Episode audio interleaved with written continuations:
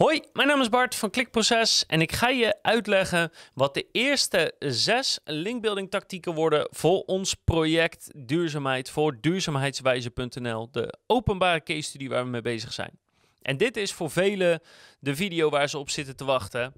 Wat voor soort linkbuilding tactieken ga je nu toepassen bij een website die gloedje nieuw is en nog amper content heeft? Nou, ik ga je uitleggen welke zes we gaan gebruiken.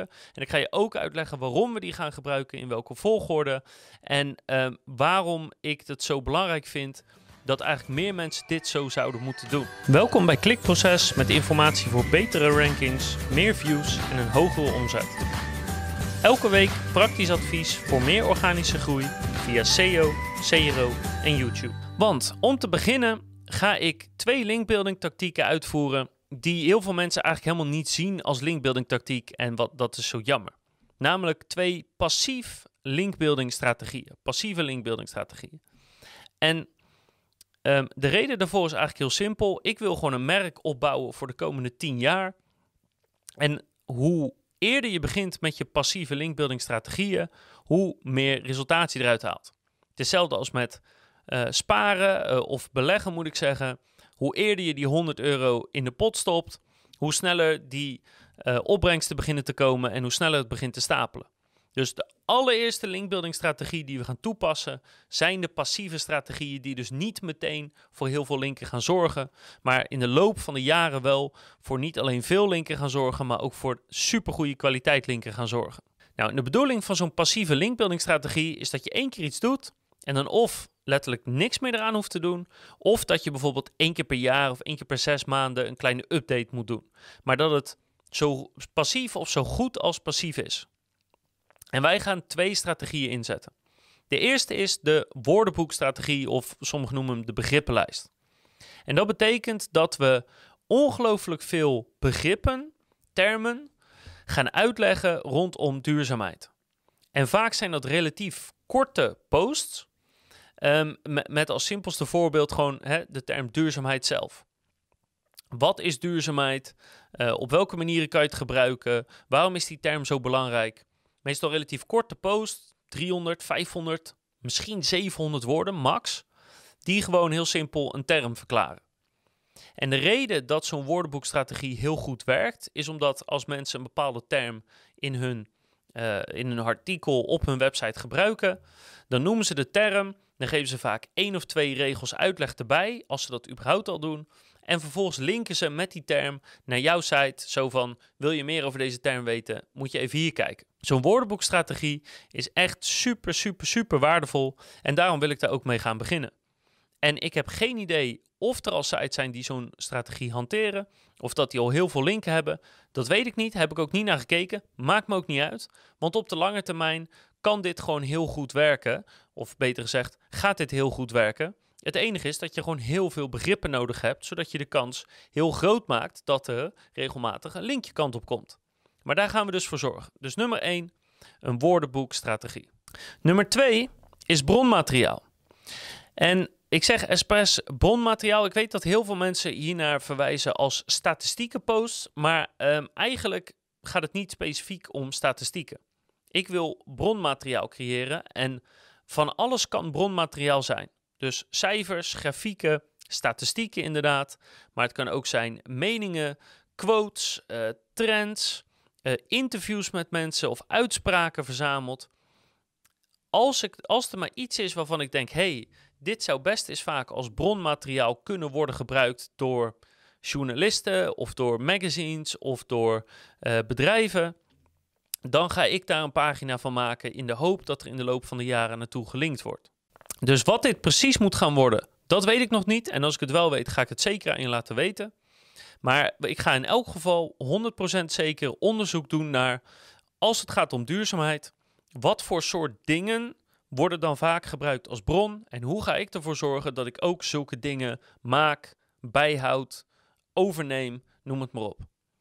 En die twee samen, die woordenboek en die bronmateriaaltechniek, dat worden de twee passieve linkbuilding tactieken die op de lange termijn moeten gaan zorgen voor hele mooie dingen, niet kopieerbare linken van hele hoge kwaliteit. Dan nummer drie, de skyscraper vermeldingslijst, ook wel uh, EgoBait genoemd. En dat betekent dat we op zoek gaan naar gewoon hele bekende influencers of mensen die een hoge functie hebben of die, die in elk geval heel bekend zijn in, uh, als voorvechters voor duurzaamheid of in het duurzaamheidswereldje. Want ik wil één of meerdere lijsten hebben met mensen waarop ik ze benoem of, of dat we daar een ranking van maken. Hoe het precies uitkomt te zien, weet ik nog niet. Maar waarop ze genoemd worden in de hoop dat ze naar ons teruglinken. En ik denk dat we dat een keer van bedrijven gaan doen, dat we dat een keer van personen gaan doen, of dat we misschien uitsplitsen in verschillende secties, dus dat we verschillende lijsten met verschillende mensen maken. Maar um, ja, ook dat werkt doorgaans goed, want ook dat kan weer als bronmateriaal fungeren. Hè? Kijk hier de top 100 influencers op het gebied van duurzaamheid, bijvoorbeeld.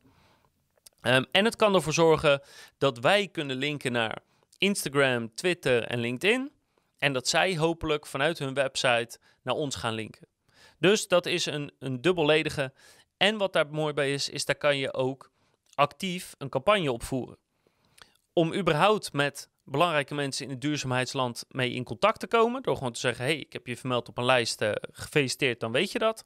En uh, ja, wie weet komt er ook nog een link uit, of wie weet komt er een link uit in de toekomst. Dus hoe dan ook, als je nieuw bent in de markt, is zo'n lijst met vermeldingen is eigenlijk altijd een goede manier om in de niche binnen te komen. Om eens met wat mensen in contact te komen, waar je misschien in de loop van de jaren uh, iets samenwerking mee aan kan gaan. En om misschien al een paar leuke linkjes te scoren. Nummer 4 is de onderzoek-publicatieformule. Nou, daar heb ik al een hele uitgebreide video over, over wat dat precies is. Maar in feite komt erop neer, je doet onderzoek, je publiceert dat en je promoot dat naar de sites die dat onderzoek misschien willen overnemen of ook weer willen aanhalen als bron. Dus ook dat gaan we zeker doen.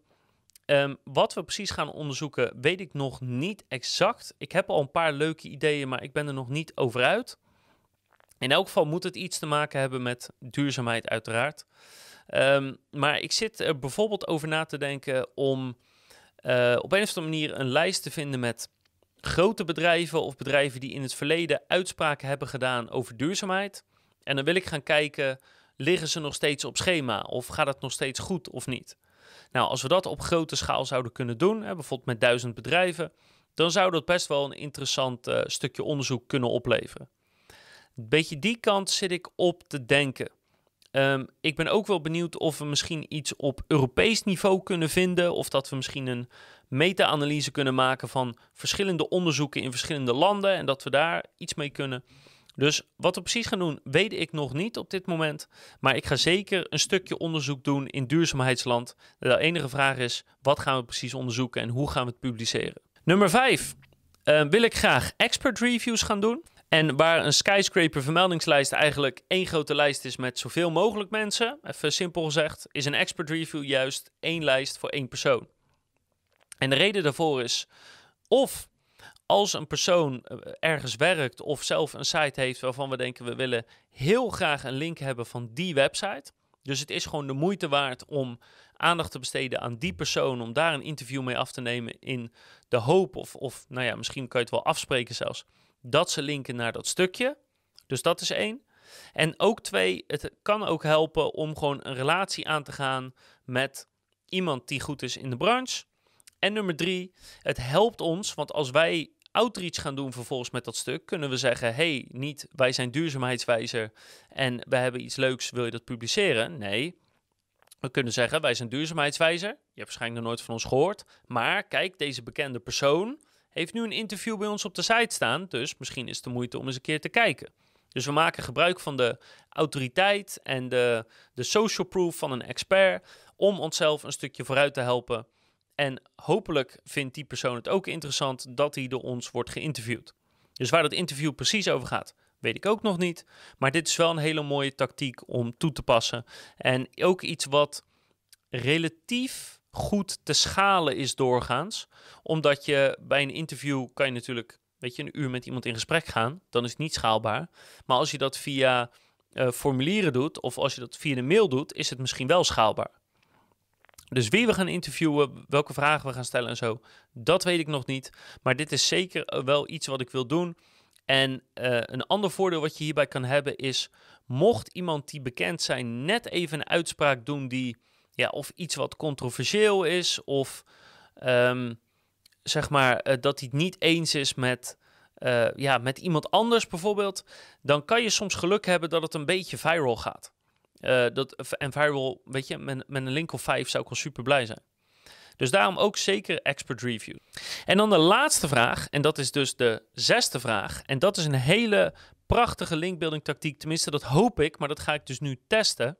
En dat is eigenlijk gewoon: vraag aan je volgers of ze misschien naar je website willen linken.